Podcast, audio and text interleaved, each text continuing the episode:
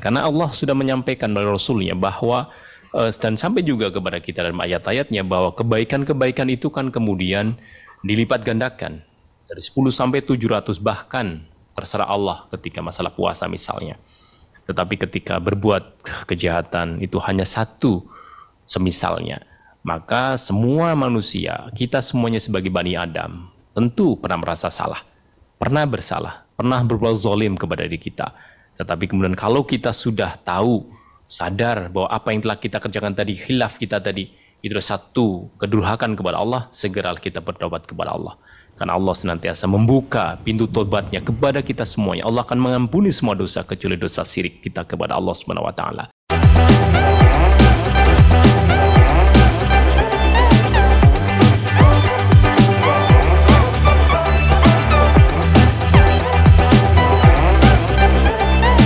Allah memberikan nikmat itu kita mungkin belum bisa mengikuti acara yang tentu kita tahu di dalamnya ada kebaikan-kebaikan insya Allah. Sehingga sehat kita, luang waktu kita, kehendak kita, pikiran, tenaga dan semuanya yang Allah berikan potensi itu pada kita. Hari ini, pagi ini, sebagian dari uh, warga, sebagian dari umat muslim bisa mengikuti acara ini. Kita bersyukur kepada Allah dalam kondisi ini. Salam dan salam senantiasa tentu kita lafatkan kepada Nabi kita Muhammad SAW. Semoga dengan salawat yang kita lafatkan Nabi sebagai imam kita besok di akhirat akan betul-betul mengingat kita sebagai umatnya yang senantiasa bersalawat kepadanya sebagaimana Allah dan para malaikat juga bersalawat atasnya. Bapak dan Ibu, di hari ini kita mau sadari atau tidak sadari dengan terpaksa atau juga dengan sukarela, waktu tidak akan bisa kita potong. Waktu tidak akan bisa kita reschedule kembali. Waktu akan senantiasa berjalan. Maka kalau kita tidak mampu memanfaatkan waktu ini dengan baik, maka waktulah yang akan memotong kita. Waktu yang akan membuat kita tidak punya kesempatan lagi waktu yang akan membuat kita menyesal dengan apa-apa yang harusnya bisa kita lakukan dalam ruang waktu yang kemarin kami sampaikan kita dalam kondisi yang uh, yang rugi. Tetapi kemudian kita tidak mengambil peran-peran itu. Kita tidak mencoba untuk bagaimana memanfaatkan dengan sebaik-baiknya.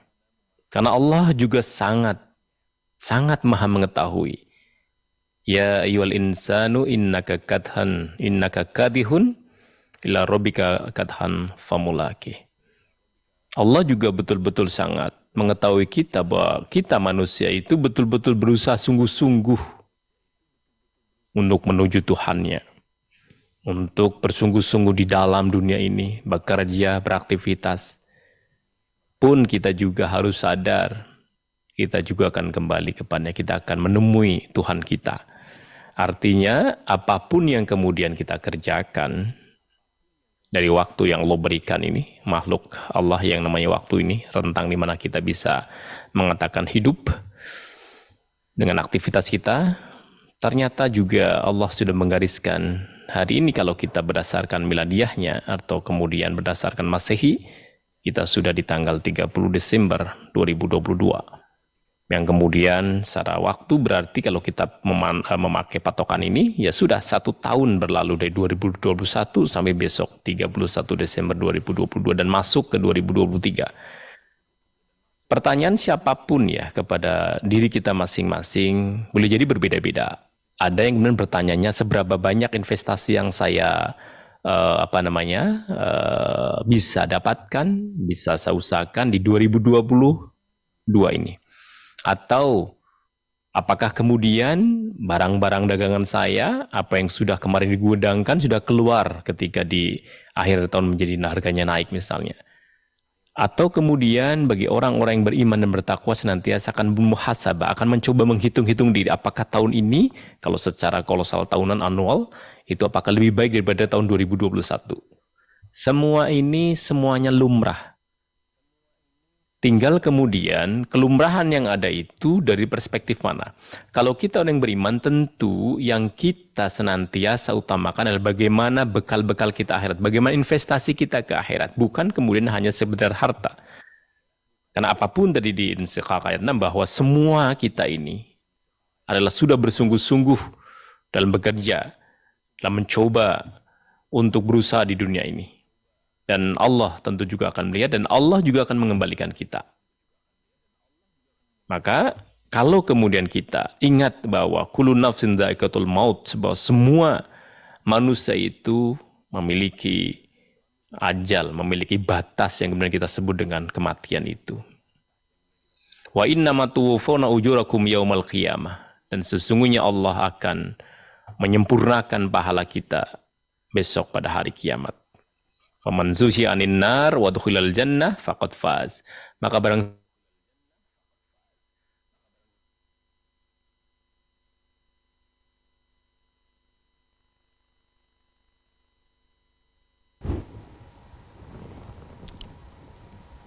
Halo, Assalamualaikum Ustaz. Iya, kelihatannya kita terputus koneksi internet kita dengan pondok pesantren MTA. Coba kita Jeda terlebih dahulu, insya Allah nanti kita akan lanjutkan kembali. Pemirsa pastikan Anda terus bersama kami, kita akan segera kembali tergabung dengan uh, Pondok Pesantren MTA, namun kita ikuti yang satu ini. Pastikan tetap di Fajar. Ya baik pemirsa di mana pun Anda berada Terima kasih Anda masih selalu setia bersama kami dalam program Fajar Hidayah di pagi hari ini Kita akan lanjutkan kembali kebersamaan kita dan Alhamdulillah kita kembali tersambung dengan Ustadz Subrapto di Pondok Pesantren MTA Mojogodong uh, Karanganyar. Kita akan sapa kembali. Assalamualaikum warahmatullahi wabarakatuh Ustadz. Waalaikumsalam warahmatullahi ya. wabarakatuh, Mas Baik, sempat terputus, silahkan dilanjutkan mukadimahnya, Ustaz. Baik, terima kasih. Uh, hal yang juga kita pahami, kita sudah mencoba merencanakan, apalagi kita sedang berbicara tadi ya. Allah kemudian mentakdirkan untuk jaringan listrik putus misalnya. Ini coba kita andaikan, kalau kemudian itu terjadi pada kita ketika kita sedang berjalan, ketika kita sedang beraktivitas ketika kita sedang bekerja dengan kegiatan-kegiatan apa pun kemudian Allah mencabut kita. Allah memutuskan lazat kesenangan di dunia ini di dunia ini dengan semerta-merta seketika sekonyong-konyong. Maka betapa kemudian kita akan sangat uh, merasa apakah cukup bekal-bekal yang kita bawa maka tadi disampaikan bahwa faman zuzi anin nar wa tuhilal jannah faqad faz. Maka barang siapa yang dijauhkan dari neraka dan dimasukkan ke dalam surga maka dia mendapatkan kemenangan besar. Wa mal hayatud dunya illa mataul hurur. Kita tahu Allah menyampaikan kepada kita bahwa kehidupan dunia ini hanyalah kesenangan yang menipu. Kebahagiaan, apa kesenangan atau apa pun yang kita klaim dunia ini sangat uh, indah, sangat uh, menyenangkan kita, sangat membahagiakan kita tapi ketahuilah bahwa semuanya akan kita tinggalkan. Apa yang kemudian kita coba buat, kita coba kemas, kita coba untuk berbekal, semuanya akan diperlihatkan kepada kita. Maka dengan waktu yang Allah berikan kepada kita, semaksimalnya kita harus memanfaatkan dengan baik agar kita tidak menyesal pada akhirnya. Karena semua yang bernyawa akan mengalami kematian. Dan insya Allah kita juga yakin sebagai orang beriman bahwa ada akhirat, ada dunia setelah dunia ini, ada alam setelah alam dunia ini, yang kita juga yakin di sana ada alam uh, di kandungan, kemudian kita di alam dunia, kemudian besok kita di akhirat yang kemudian kekal selamanya. Kita tidak akan pernah mati lagi dan kita senantiasa hidup dengan dua kondisi, apakah kita dalam kebahagiaan atau kemudian kita dalam hal-hal yang tidak menyenangkan, yang sangat menyiksa dengan azab yang pedih karena kedurhakaan, kesombongan, keingkaran kita kepada Allah yang menciptakan kita, yang tujuan penciptaan kita adalah wa ma jinna wal insa illa liya'budun. Bahwa sesungguhnya penciptaan jin dan manusia ini adalah semata-mata untuk menghambakan diri kepada Allah. Maka kami sekali lagi di pagi hari ini di akhir penghujung tahun senantiasa kami ingatkan kalau proses tahunan beri tahunan kalau proses harian itu yang paling lebih uh, sangat presisi bagaimana kemudian bekal-bekal yang kita uh, kumpulkan itu bisa membawa kita kepada kebahagiaan. Karena Allah sudah menyampaikan melalui Rasulnya bahwa uh, dan sampai juga kepada kita dalam ayat-ayatnya bahwa kebaikan-kebaikan itu kan kemudian dilipat gandakan dari 10 sampai 700 bahkan terserah Allah ketika masalah puasa misalnya. Tetapi ketika berbuat kejahatan itu hanya satu semisalnya, maka semua manusia, kita semuanya sebagai Bani Adam, tentu pernah merasa salah, pernah bersalah, pernah berbuat zolim kepada diri kita.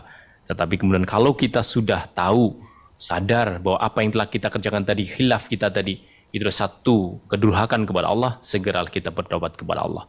Karena Allah senantiasa membuka pintu tobatnya kepada kita semuanya. Allah akan mengampuni semua dosa kecuali dosa sirik kita kepada Allah Subhanahu wa taala. Sehingga dengan pegangan tadi kita bisa lebih optimis lagi menatap ke depan bahwa saya sekarang sedang menuju ke gerbang kematian saya.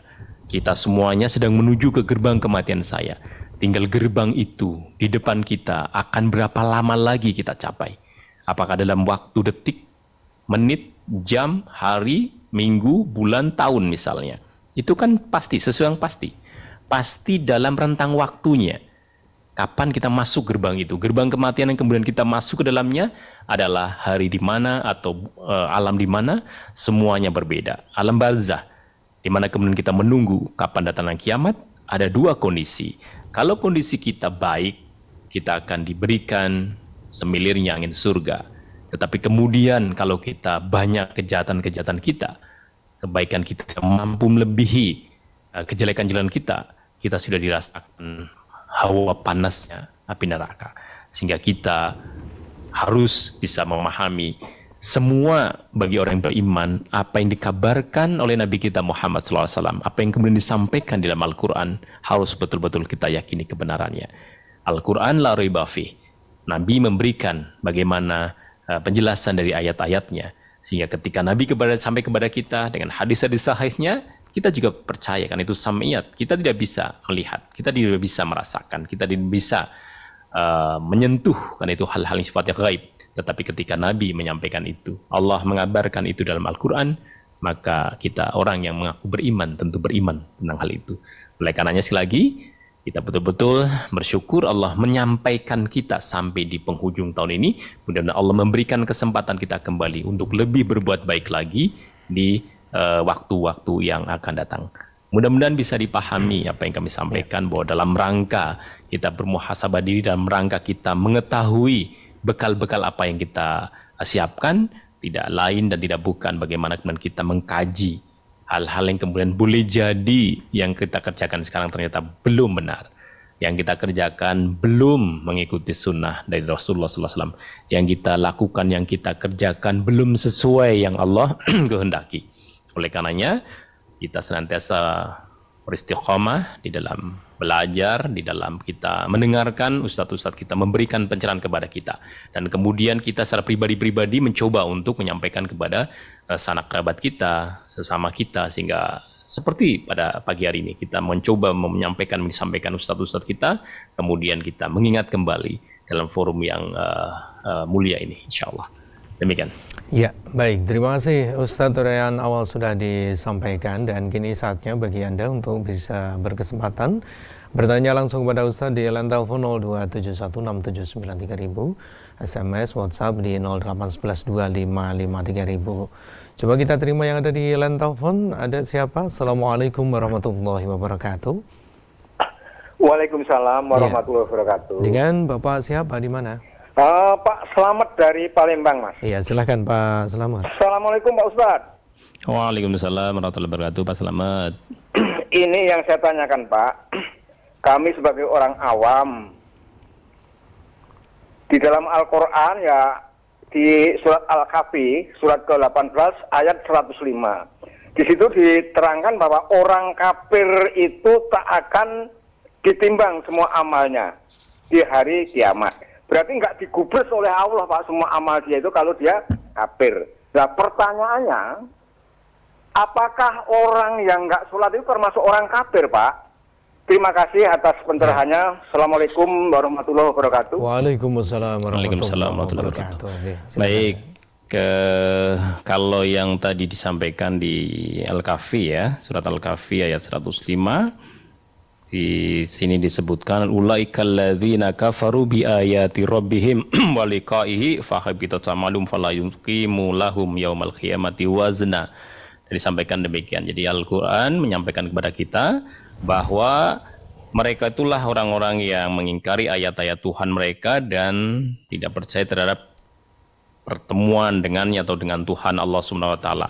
Maka sia-sia amal mereka dan ketika mereka dan tidak memberikan timbangan terhadap uh, amal-amal mereka atau yang mereka perbuat di hari kiamat. Besok tidak akan diberikan timbangannya.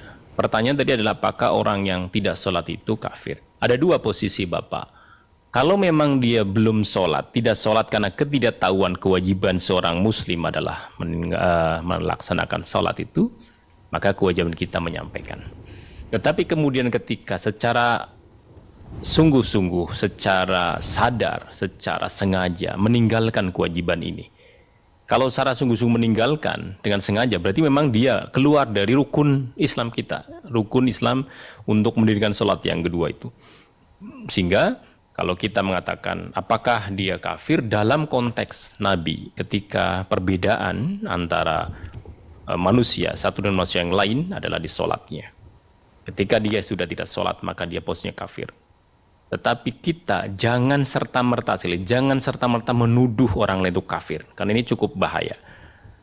Ketidaksolatannya dalam paruh waktu tertentu, karena satu hal misalnya ketidaktahuannya, apalagi misalnya sakit, mungkin dia mengikuti kajian-kajian bahwa ketika orang Islam ya sholat, dia sholat.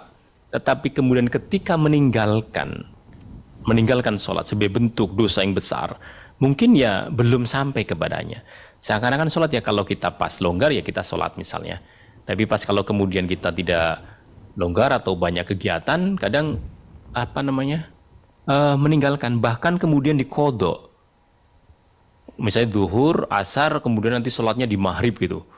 Nah, ini kan nggak bisa. Tetapi karena ketidaktahuan itulah kemudian yang harus kita kedepankan agar kita senantiasa husnudon kepada orang lain. Bahwa orang lain itu belum tahu. Tetapi apa yang disampaikan Bapak bahwa ketika orang itu tidak sholat, tidak sholat. Artinya tidak sholat berarti tidak sholat. Bukan meninggalkan sholat kadang. Artinya meninggal gini, sholat, sholat, sholat, kemudian pas waktu sakit dia tidak sholat misalnya karena ketidaktahuannya. Kemudian kita meninggal. Wah ini berarti kafir nggak boleh kita sholatkan, misalnya kita doakan. Kita husnudon bahwa proses itu proses tidak tahunya dia. Sehingga itu sebagai uh, amal yang tidak baik tentu itulah Allah. Tapi kemudian kita sebagai sesama manusia untuk mendoakan itu tetap kita doakan. Makanya kita tidak bisa melebih kafir oh, berarti orang yang tidak sholat nanti tidak akan dihitung semua amal-amalnya. Kita jangan mudah-mudah ke arah sana. Jangan mudah-mudah karena kita tidak tahu apa yang ada dalam hatinya terkait dengan ketika meninggalkan sholat itu karena apa. Demikian Bapak. Ya. Baik, demikian mudah-mudahan bisa difahami Bapak selamat. Kita coba beri kesempatan kembali untuk Anda yang ingin bergabung di line telepon. Ya, belum ya. Kita coba bacaan pertanyaan yang ada di SMS. Uh, Ustadz, ketika kita sampai di masjid, adzan sedang berkumandang. Setelah selesai, bolehkah kita langsung mengerjakan sholat sunnah qobliyah tanpa sholat sunnah tahiyatul masjid terlebih dahulu dari hamba Allah yang ada di Cirebon? Boleh saja, boleh saja. Kalau kita datang ke masjid, yang kita lakukan sebenarnya langsung sholat sunnah untuk tahiyatul masjid silakan. Artinya dua rakaat ketika azan itu bisa ada dua. Azan ketika tidak ada orang lain, kita menjawab azan dulu, menjawab, jawablah azan itu. Ketika memang sudah tidak ada orang, eh, sudah banyak orang ya, orang sudah sholat dan sebagainya.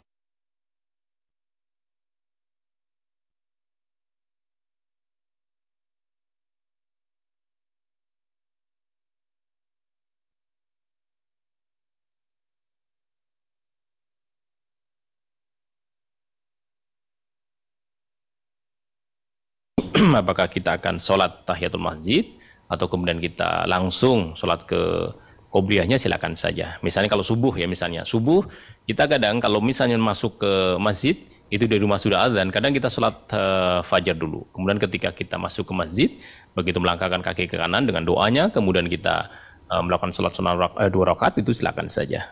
Boleh boleh saja silakan. Ya. Baik, demikian mudah-mudahan bisa difahami.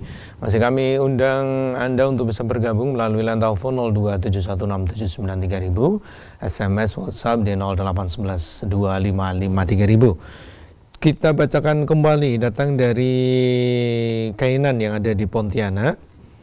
Apakah ada contohnya setelah sholat wajib membaca surah Al-Fatihah? Terima kasih jawabannya Ustaz.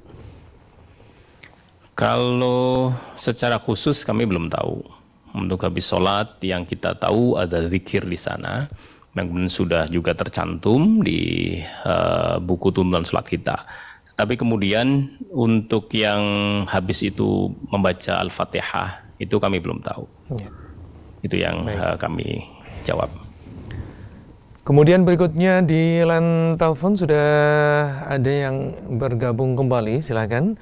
Kami undang Anda untuk bisa bergabung di line telepon 02716793000. Assalamualaikum warahmatullahi wabarakatuh. Waalaikumsalam warahmatullahi ya. wabarakatuh. Dengan Bapak siapa di mana? Bapak Hendrani di Rokan Hulu. Iya, silakan Pak. Ini mau tanya nih Pak. Assalamualaikum Pak Ustadz. Waalaikumsalam warahmatullahi wabarakatuh Bapak. Uh, ini mau tanya masalah brosur-brosur itu kalau taruh di jok kereta gitu gimana ya? Uh, itu aja Pak Ustaz. Assalamualaikum warahmatullahi wabarakatuh. Maksudnya bagaimana Pak? Maksudnya ya? ditaruh di kereta? Di jok kereta itu di motor ya? Ah motor motor. Oh ya kereta. Di, di jok motor. Iya. Bendel brosur itu ya maksudnya? Iya ya Ustaz. Oh gitu. Geng geng geng geng. Nah itu aja. Baik, terima kasih Pak Indan. Waalaikumsalam warahmatullahi wabarakatuh. itu lebih ke arah ke etika Bapak, ke etika ya. Kalau kita biasanya brosur naruhnya di tas, tas kemudian kita bawa. Yeah. Cuma kalau misalnya ditaruh di jok motor juga tidak mengapa. lebih ke arah etika. Artinya untuk ketika memang aman ya ketika hujan dan sebagainya tetap di dalam kabin kereta atau kabin motor mobil ya nggak masalah. Insya Allah tidak ada niatan kita hatapun Quran ya Al-Quran ini Al-Quran ini Mushaf ini. Kita tidak ada dalam bayangan kita itu ketika kita menaruh misalnya kan ngepasin kita pakai tasnya bukan tas yang anti air misalnya kemudian ngepasin hujan. Kemudian kita merapat kemudian kita taruh di uh, jok kursi misalnya di bawah ya. Kemudian dan tidak ada niatan kita menduduki Quran itu. Tidak ada sama sekali. Kita tidak ada. Artinya saya yakin kita uh, umat muslim ya ketika posisi itu tidak ada niatan kita itu akan menginjak-injak atau menduduki Al-Quran ini. Insya Allah tidak ada. Sehingga itu dalam hanya konteks untuk apa namanya aman ya. Aman saja jadi insya Allah uh, tadi kembali kalau kita angankan dalam bentuk yang etika yang kemudian wah tidak pantas dan begini memang menjadi menjadi blunder juga. Bagaimana ketika HP ini? Di HP ini itu kan banyak aplikasi-aplikasi Al-Quran itu.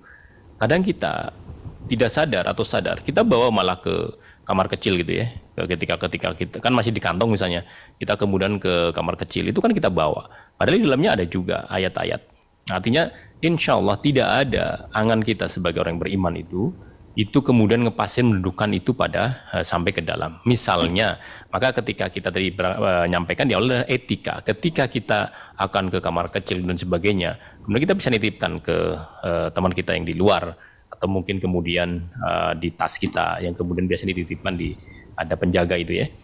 Misalnya seperti itu. Tetapi sekali lagi kami sampaikan, insya Allah tidak ada niatan itu sehingga dalam posisi itu tidak mengapa. Demikian Bapak. Ya.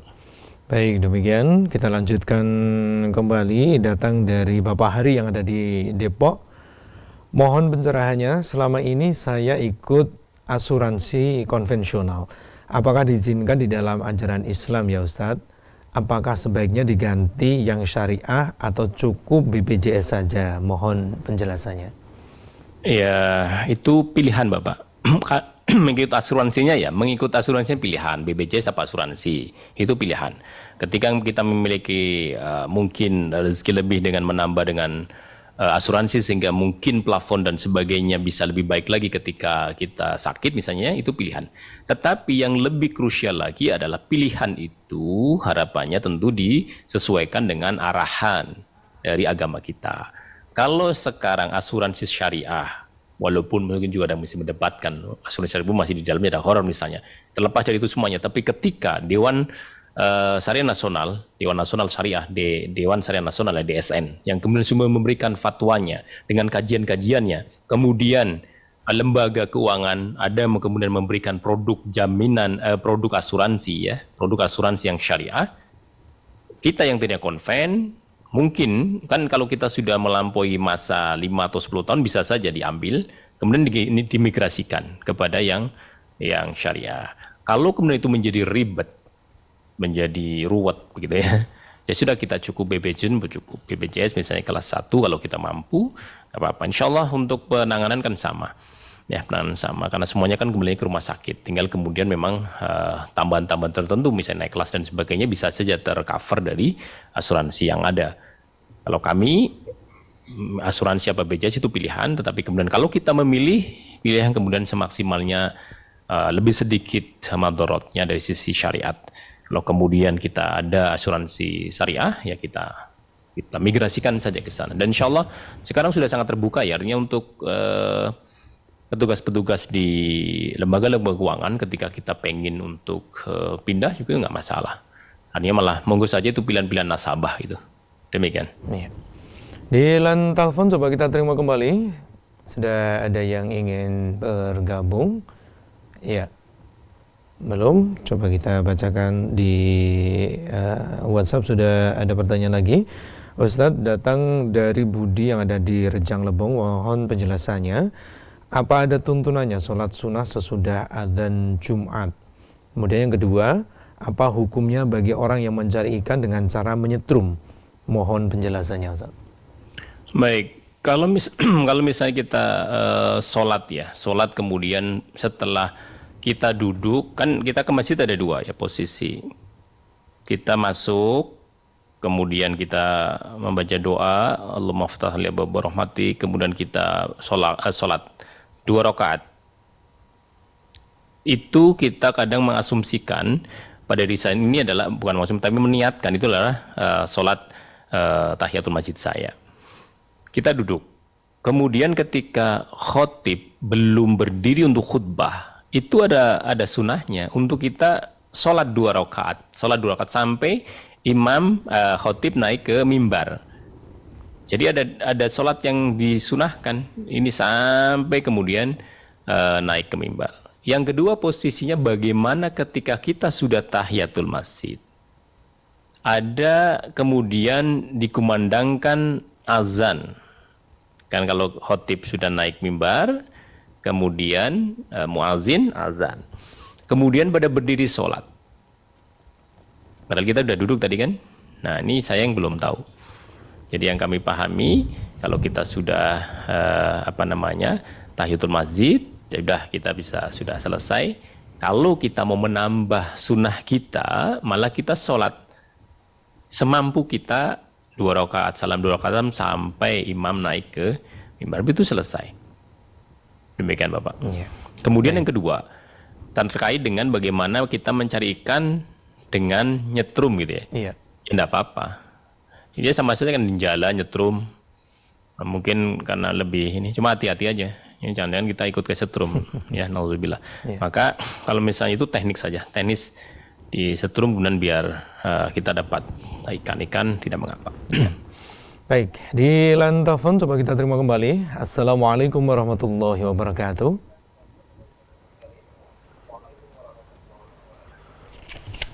Halo, Assalamualaikum.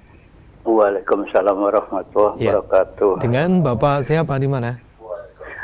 Uh, ini Pak, saya Pak Gampang dari Singkawang Kalbar. Ya silakan Pak.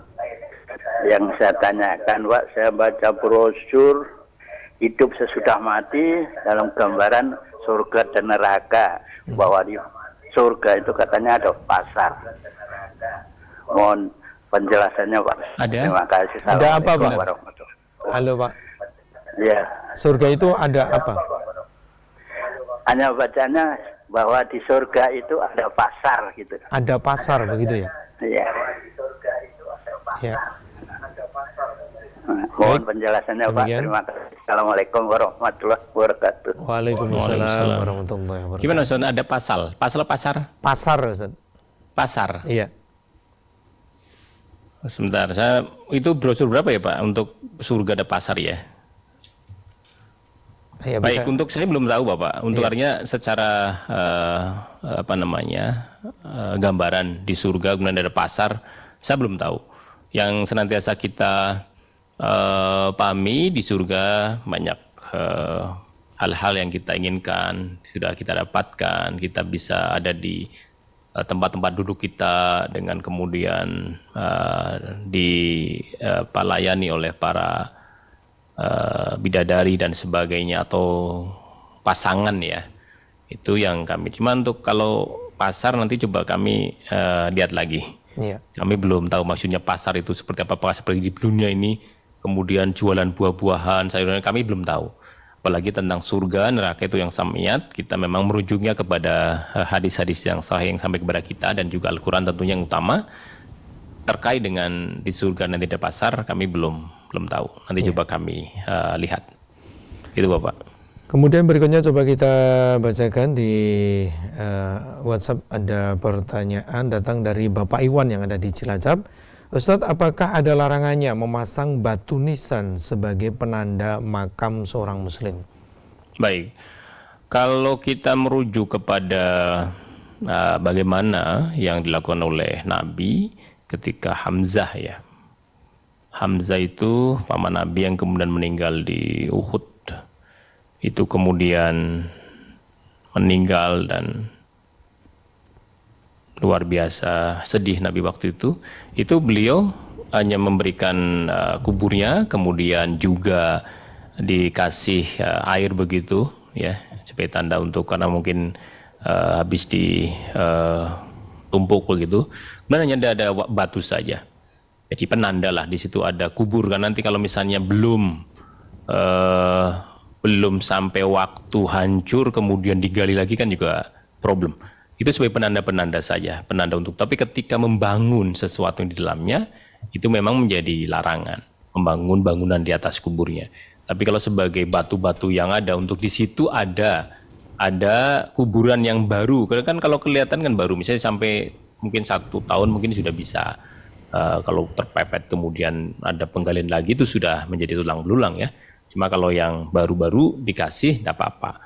Cuma sekarang masalahnya adalah ketika ngasih nisan itu kemudian diikuti dengan eh, kijingnya itu yang kemudian eh, tidak boleh. Ya. Kalau ngasih tanda saja batu atau apalah itu bisa silakan. Ya. Baik, demikian mudah-mudahan bisa difahami. Coba kita terima penelpon terakhir ya kali ini. Assalamualaikum warahmatullahi wabarakatuh. Iya, terputus. Baik, Ustadz, kita sudah berada di akhir jumpa kita pagi hari ini sebagai penutupnya bisa disampaikan silakan. Baik, eh, Bapak dan Ibu, saudara semuanya, eh, kami mencoba untuk mengingatkan kembali bahwa Allah betul-betul sangat sayang kepada kita. Kami bacakan di hadis yang kemudian menjadi pegangan kita.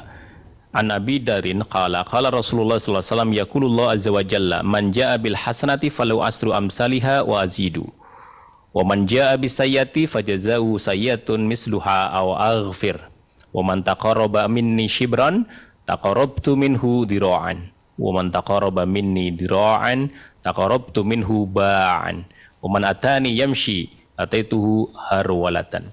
Wa man laqiyatni bi qurabil ardi khati'atan la yushriku bi syai'an laqanituhu bimisliha maghfiratan. Ruah muslim. Dari Abu Dhar ia berkata Rasulullah SAW bersabda Allah Azza wa Jalla berfirman barang siapa melakukan kebaikan maka ia mendapatkan pahala 10 kali lipat atau lebih. Dan barang siapa melakukan kejahatan maka ia mendapat balasan yang setimpal dengan kejahatannya atau aku mengampuninya. Barang siapa mendekat kepadaku sejengkal, maka aku akan mendekat kepadanya sehasta. Dan barang siapa mendekat kepadaku sehasta, maka aku akan mendekat kepadanya sedepa. Dan barang siapa yang datang kepadaku dengan berjalan, maka aku akan datang kepadanya dengan berlari. Dan barang siapa yang menghadap kepadaku dengan kesalahan sepenuh bumi, sedang ia tidak menyekutukan aku dengan sesuatu, maka aku akan memberi ampunan yang sama dengan kesalahan-kesalahannya. Hadis riwayat Muslim.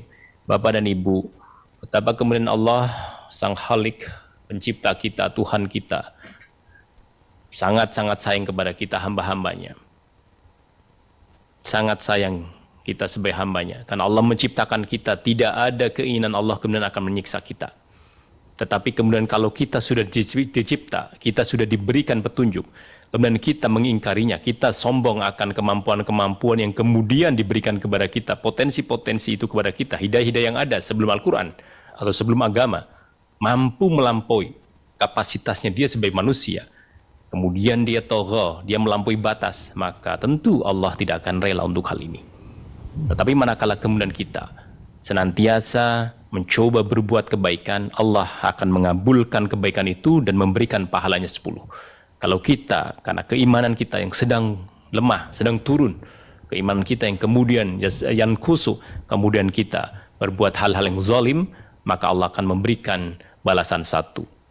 Kalau kemudian kita mengharap kepada Allah dengan sejengkal, dengan sedepa, dengan bulan, Allah akan memberikan uh, respon yang lebih baik, bisa lebih cepat, bisa lebih mendahului dan sebagainya.